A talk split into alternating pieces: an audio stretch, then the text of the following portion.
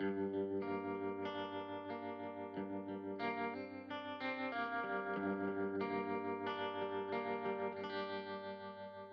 matinada m'ha despertat.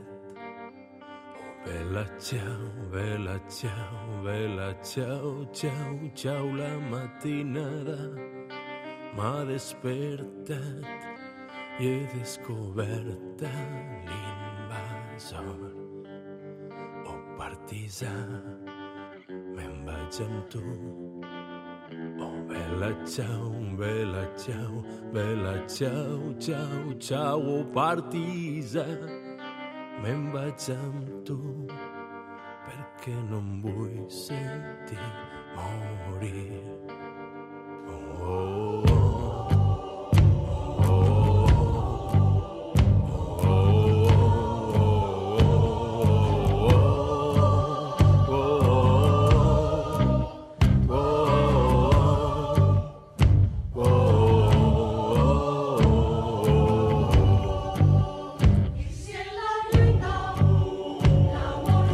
comencem així una nova aventura radiofònica que es diu El mur, els jocs de la memòria, perquè els jocs es queden, perduren, com a testimonis del que va passar entre els seus murs, dins de les seues reixes, envoltats de paratges singulars, en les seues coordenades geogràfiques. Diferents espais, una dotzena, seran protagonistes d'este serial que comença així.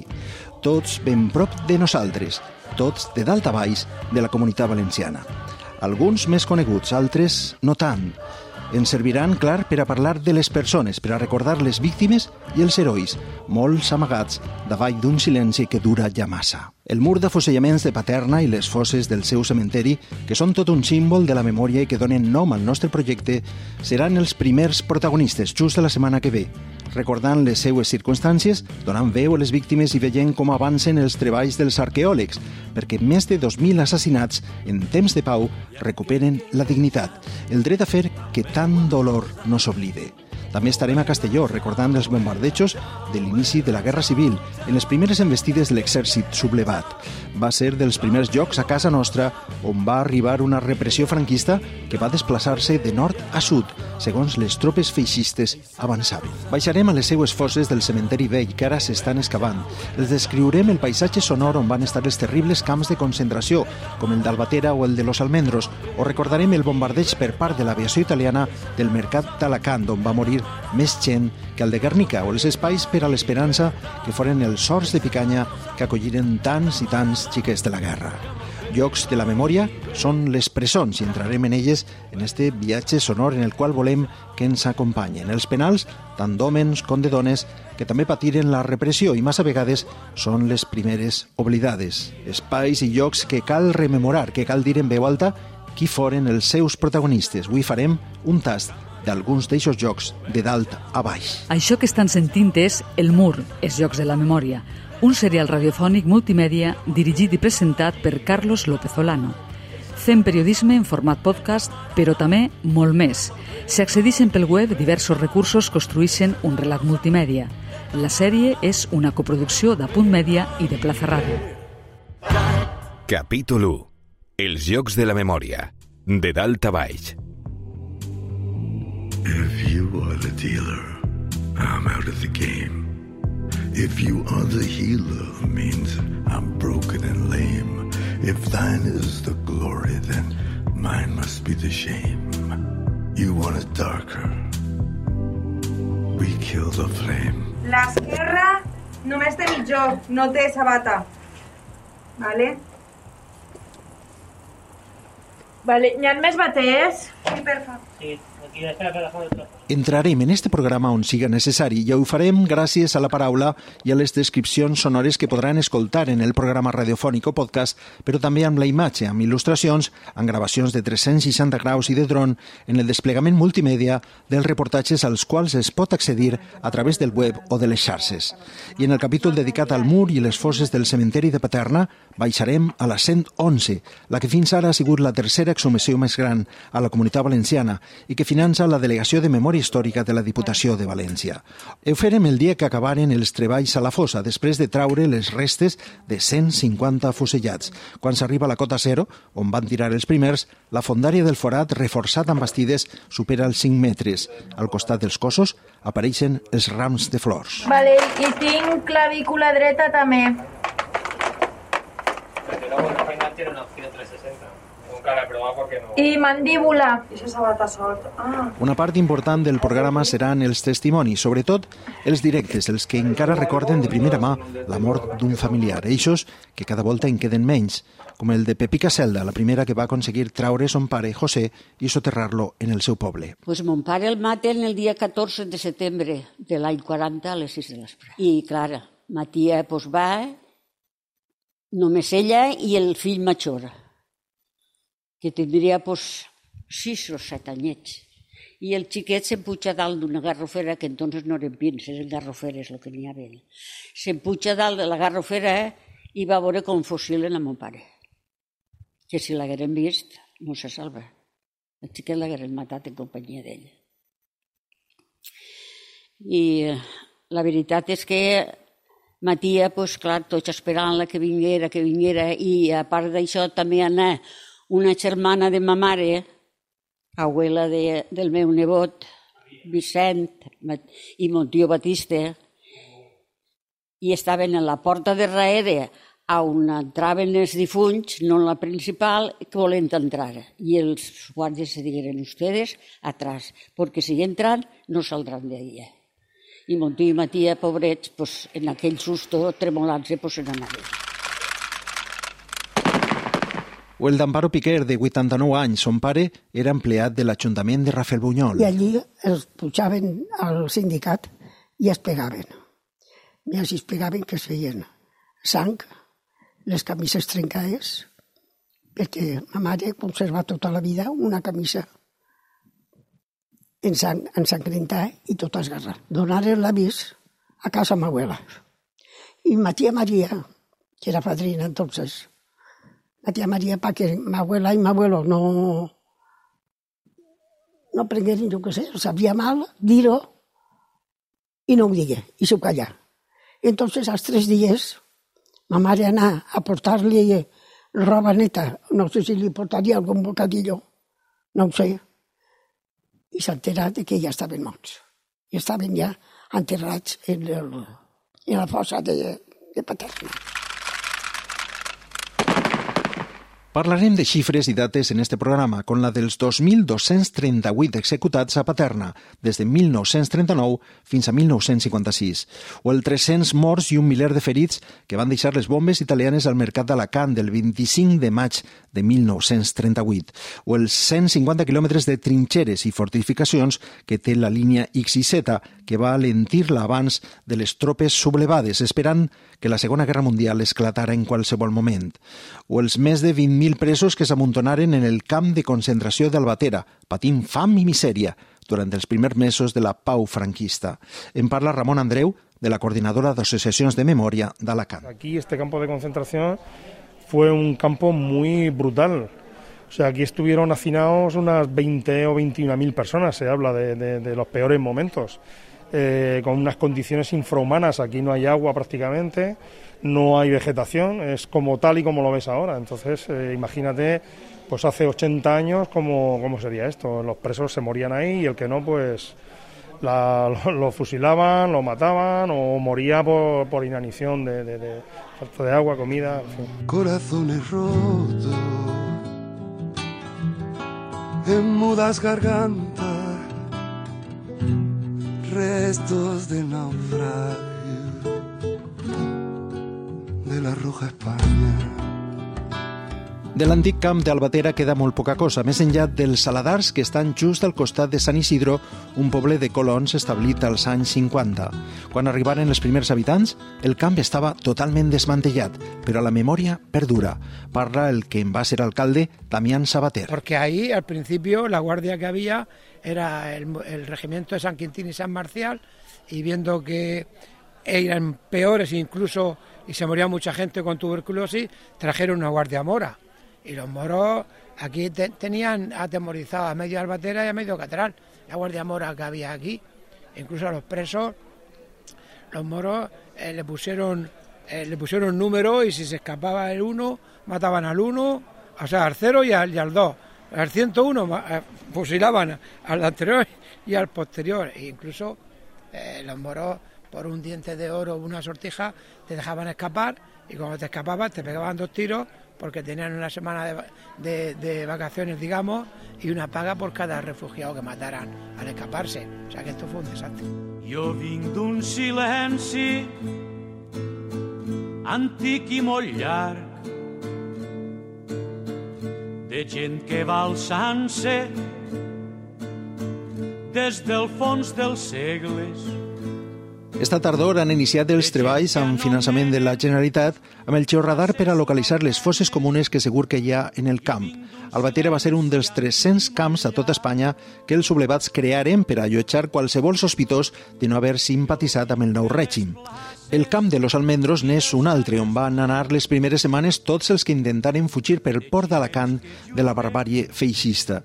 Eixe episodi, en l'últim barco que va aconseguir allunyar-se de la brutal repressió que arribaven les tropes italianes, el mític Stambrook, mereixerà també un capítol de la nostra sèrie.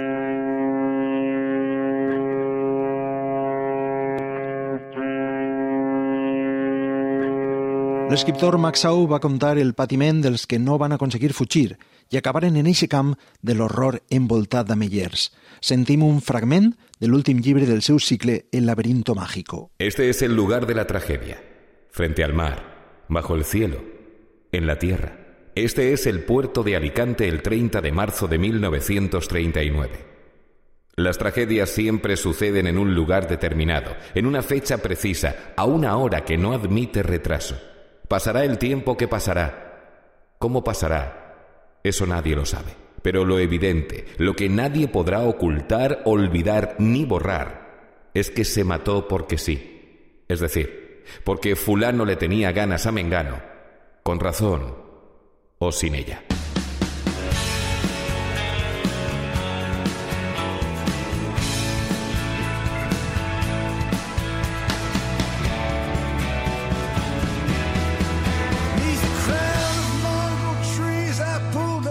Parla Iñaki Pérez Rico, director general de Cualidad Democrática de la Generalitat. Por tanto, la idea de momento es ir creando, pues bueno, queremos también crear una imagen que sea de todos esos lugares de la memoria, en la cual se puedan identificar claramente que sean zonas no solo de turismo, que también hay un turismo de la guerra civil y un turismo cultural que va buscando eso, sino que sea un lugar en el cual las personas, pues bueno, recapaciten sobre cuál ha sido su pasado, sobre el dolor que se ha creado en esos sitios y bueno, y de decía eh, George eh, Orson Welles que cualquier eh, tierra donde ha, habido sufrimiento es territorio sagrado. Y bueno, nosotros creemos que eso lo tenemos que poner en marcha, que esos, esos terrenos, esos lugares sean entendidos por la sociedad y nos ayuden a construir pues una sociedad mejor hacia el futuro.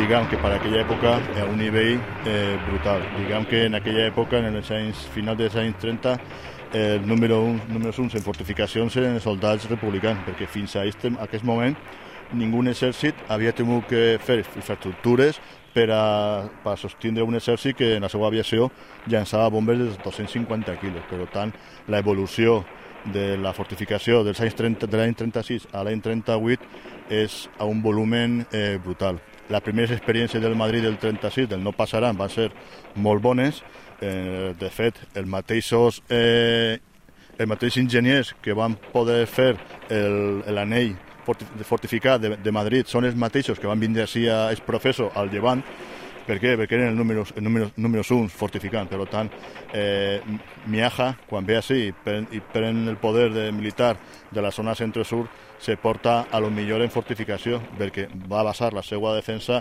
en la millor fortificació que se farà en tota la Guerra Civil Espanyola, que és la línia que cita, o també denominada eh, línia Matallana. D'esta línia de defensa també parlarem en els Jocs de la Memòria, la que va ser una línia de protecció militar i d'esperança contra els avanços dels colpistes, que va des de la Mar d'Almenara fins a Conca, i que deixà un amplíssim rastre de construccions, com nius d'ametralladores o refugis, que encara avui en dia es poden trobar envoltats de natura.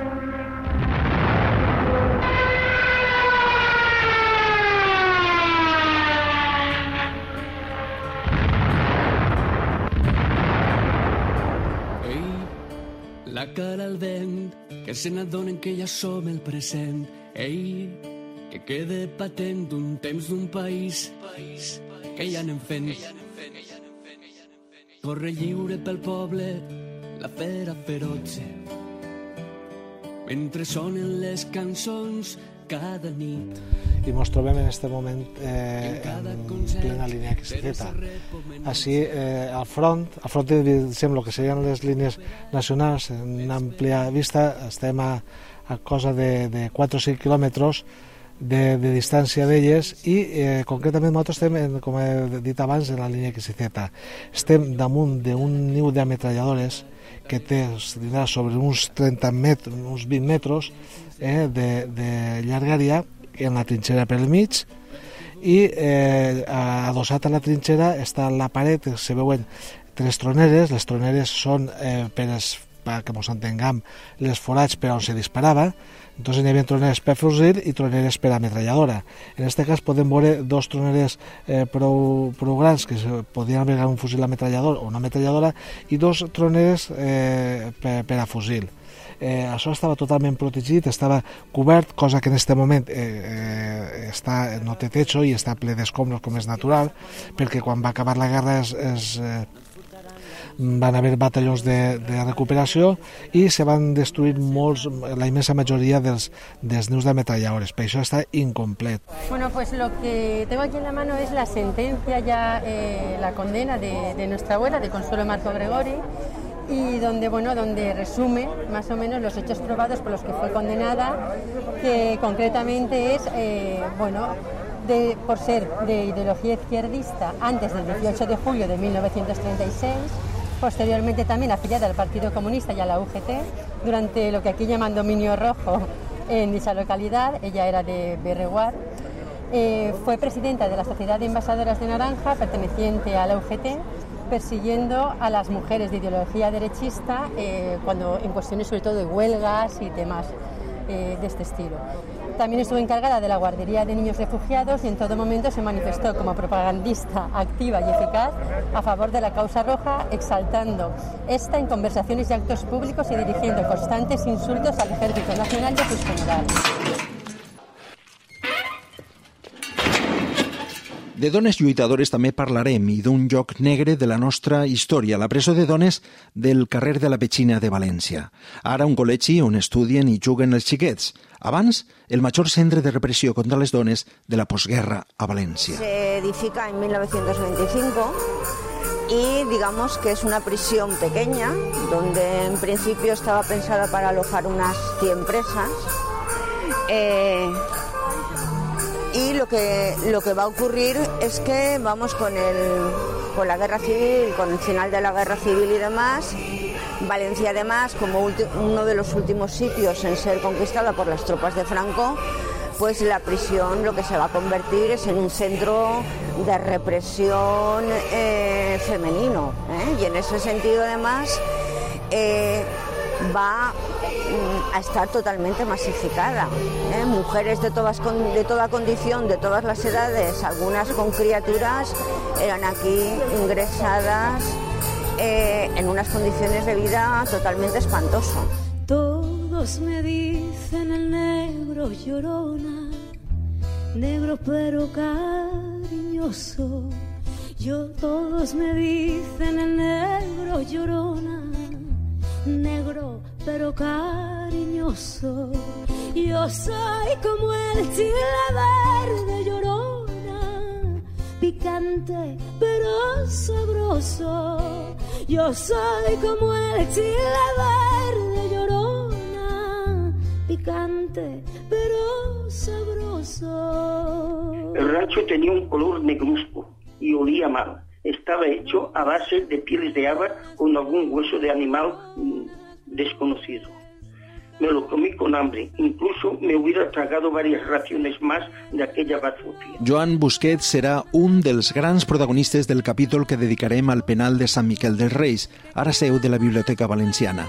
Joan estigué pres entre els seus murs 15 anys i fins i tot conta en el seu currículum llibertari amb un intent de fuga. La mayoría de los funcionarios de prisiones eran falangistas o adictos a los golpistas. Durante la rebelión militar del general Franco se alistaron voluntarios en el bando de los insurrectos. Cuando terminó la guerra civil, les fueron concedidos puestos de confianza como recompensa por los servicios rendidos a la patria. El odio de estos carceleros a los presos políticos no, tenían, tenía límites. Busquets, el vell anarquista de memòria prodigiosa, atén ara la seva dona a on viu des que va fugir d'una Espanya que no li agradava gens i als 93 anys presumís mai va deixar de lluitar. He sabido, he sabido recuperarme. He sido, además, en prisión siempre estuve en combate. No fui de los que me doblegué. Hay algunos que se doblegaron, muy pocos, pero eh, en fin, yo no me doblegué. Y siempre, cuando veía una injusticia, pues lo, sacaba por escrito, lo denunciaba a la prensa de, de, de, del extranjero para que lo publicaran. Y denuncié muchas cosas y algunas pues hasta saltaron a algunos funcionarios del puesto. Para mí era una satisfacción, el combate seguía y, y, y sigue, vaya, no, no ha terminado.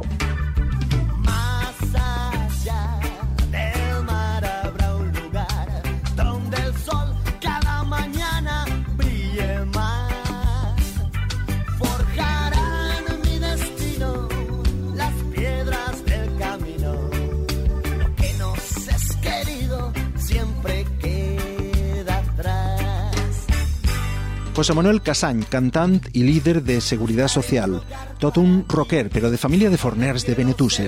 Recordaran nosaltres com va descobrir que un familiar seu, molt volgut, guardava un secret que mai havia contat. donde mi tío hace como aproximadamente 10 años me dice, eh, José, llévame a un sitio. Como mi tío era muy misterioso, no le llevaba a muchos sitios, él no conducía, llévame a un sitio. Y vamos al monasterio San Miguel de los Reyes. Y bueno, ¿y qué pasa aquí? Yo ya había estado, había visto lo que estaba la biblioteca, que estaba el sitio maravilloso, una, una maravilla. Eh, y la verdad es que, eh, bueno, sabía que había sido una cárcel, evidentemente, pero, pero no sabía que había estado su padre allí. Y me dice, es que aquí estuvo mi padre. Y tengo, y era bien pequeñito, me traía a mi madre a ver a mi padre. Y recuerdo que mi padre era carpintero y me regaló un caballito de madera que, que, que- hizo que, vamos, lo- lo- lo tuve guardado durante mucho tiempo como una de las joyas más grandes, ¿no? Porque le pilló pequeño, probablemente una temporada, no estaría mucho tiempo, estaría, era, al fin y al cabo, era un soldado de la, de la República que estuvo reeducándose, ¿no? Algo así, ¿no? Que-